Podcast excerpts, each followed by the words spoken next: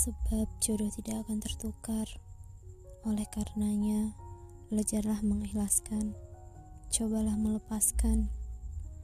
Mengapa kau masih saja bertahan padahal ia tak pernah menghiraukan? Sudah cukup, jangan menyakiti dirimu sendiri lebih dalam lagi. Sudah cukup, sakit yang kau rasakan dari luka yang ia torehkan. Berdamailah dengan dirimu. Kamu itu berharga. Kamu itu istimewa. Jangan biarkan senyummu direnggut kecewa.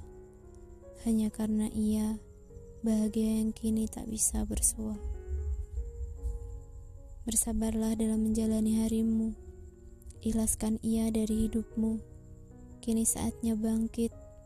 Tunjukkan pada ia bahwa kamu bisa bisa melangkah setelah diberinya luka, bisa tersenyum walau hati penuh lara, bisa menjadi kuat meski jiwa penat.